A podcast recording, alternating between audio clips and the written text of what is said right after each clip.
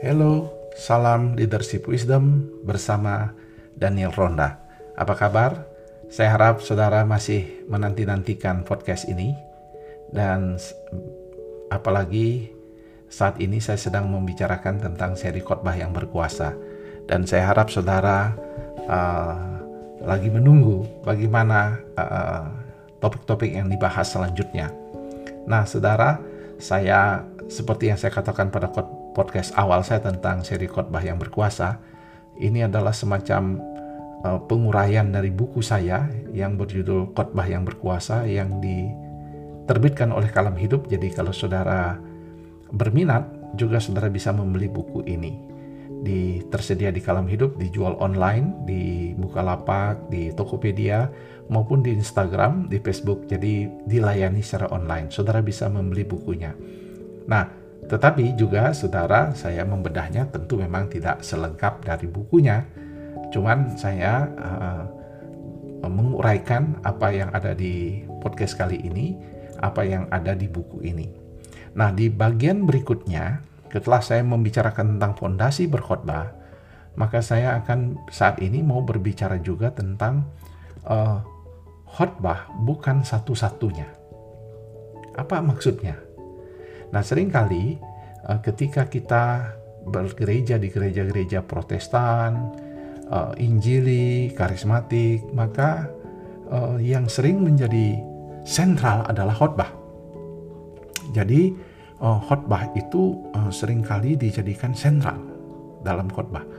Tetapi akhirnya banyak orang kadang-kadang tidak berminat dengan khotbah padahal dia sudah dijadikan sentral. Itu sebabnya banyak uh, gereja malu mengundang pengkhotbah-pengkhotbah tamu dengan harapan menarik uh, minat karena dia mendengar suara yang baru. Itu juga uh, cara yang baik karena biasanya suara gembala kalau terus menerus didengar khotbahnya memang dia akan mengalami kejenuhan baik dari segi pengkhotbahnya sendiri karena dia mengalami jenuh di dalam bagaimana dia menciptakan atau menggumuli pergumulan-pergumulan masa kini tetapi juga bagi jemaat yang terbiasa mendengar suara memang itu uh, juga mengalami kejenuhan jadi perlu ada variasi mengundang namun, jangan berpikir bahwa masalah khotbah adalah masalah khotbah itu sendiri. Artinya, uh, jangan berpikir ketidak uh, semangatan jemaat misalnya mendengarkan khotbah kita semata-mata karena mereka jenuh. Tetapi kita harus mengingat ada faktor-faktor lain yang perlu diperhatikan gereja agar khotbah seseorang atau gembala atau pemimpin atau pengkhotbah tamu dapat uh, menjadi sesuatu power yang uh, mengubahkan suatu pesan Tuhan yang mengubahkan jemaat. Maka saya mengatakan khotbah tidak boleh menjadi satu-satunya yang harus diperhatikan oleh gereja, tetapi gereja harus memperhatikan atmosfer daripada pelayanan itu sendiri, atmosfer daripada ibadah itu sendiri, dan atmosfer dari kehidupan jemaat itu sendiri. Nah, sekarang kita mau memperhatikan bagaimana agar khotbah yang disampaikan itu menjadi powerful, baik oleh gembala maupun oleh pengkhotbah-pengkhotbah tamu. Sebab kalau hanya mengandalkan khotbah saja, uh, tapi tidak membenahi tata layanan ibadah, maka dia sama sekali juga tidak berguna. Nah, sekarang bagaimana? Kita memperhatikan hal-hal lain yang dapat membuat khotbah itu efektif. Yang pertama adalah perlunya ada sentuhan pribadi pada khotbah. Jadi, ketika kita melakukan eh, sebagai gembala yang berkhotbah di gereja, perlu ada connectedness.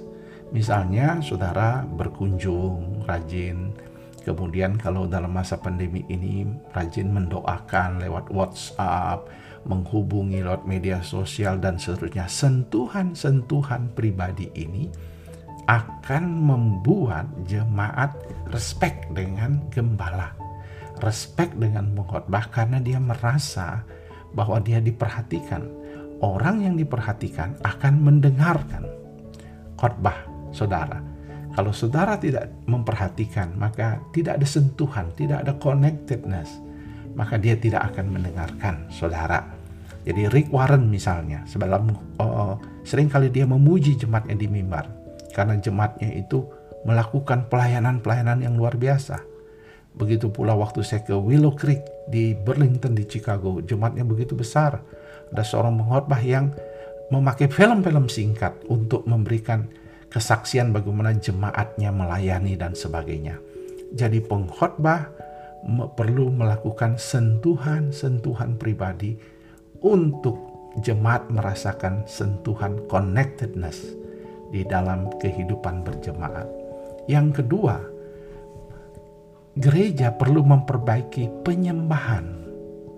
Karena atmosfer ibadah yang dipelihara, diatur, ditata dengan baik akan menjadi penopang khotbah yang kuat. Sebab banyak yang saya menemukan gereja yang besar, raksasa dan sebagainya karena ibadahnya tertata dengan baik, ibadahnya didesain dengan baik, ibadahnya begitu bagus, maka sekalipun pengkhotbah itu hanya datar berkhotbah, tetap menyentuh jemaatnya. Khotbahnya mungkin hanya datar dia bicara. Tapi karena dia memiliki ibadah yang baik dan terencana, bukan mewah tapi terencana dengan baik, maka menciptakan atmosfer persi mempersiapkan rohani jemaat untuk mendengarkan firman. Jadi, kita perlu memperhatikan ibadah, ibadah. Jangan bertele-tele, jangan panjang. Apalagi ibadah-ibadah perkotaan tidak boleh panjang.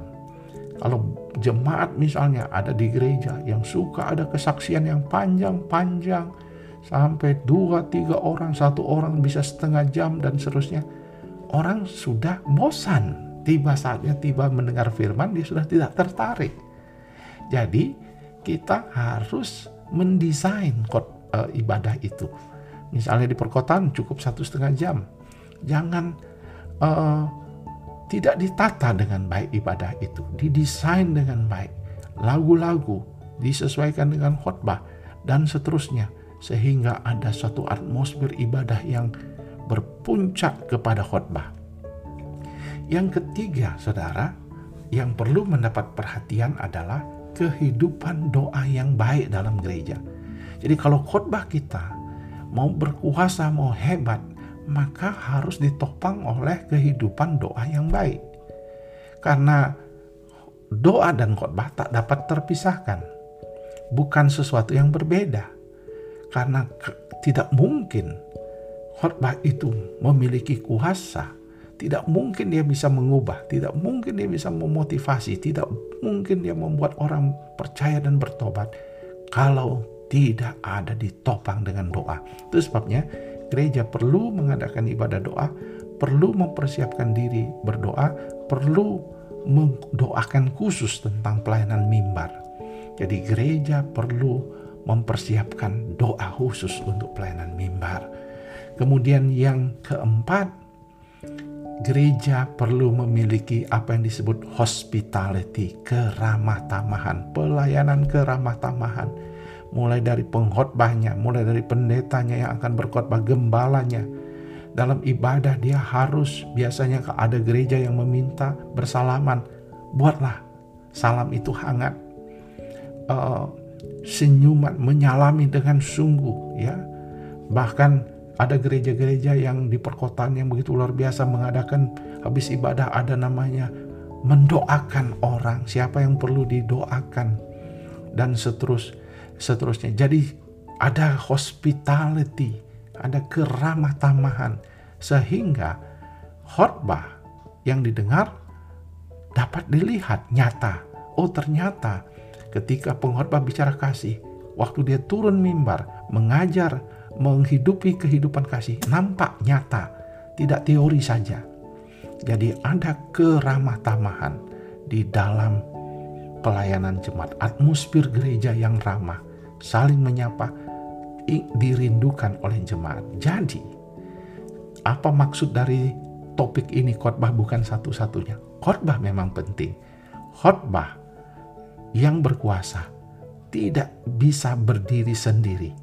Dia harus ditopang oleh sistem administrasi keramah tamahan dan gereja yang berdoa dan penuh kuasa. Jadi penyembahan yang luar biasa. Jadi itu akan menopang, mempersiapkan khotbah kita menjadi khotbah yang luar biasa. Jadi jangan lupa memperhatikan hal-hal teknis ini di dalam gereja. Anda boleh mengundang pengkhotbah yang luar biasa, dahsyat dan hebat. Tetapi kalau hal-hal ini tidak diperhatikan, efektivitasnya tidak akan maksimal dan tidak akan berdampak. Nah, kiranya uh, Tuhan memberkati uh, apa yang saya sampaikan ini dan menginspirasi saudara untuk mempersiapkan perubahan di dalam kehidupan pelayanan dan gereja saudara. Tuhan memberkati. Salam.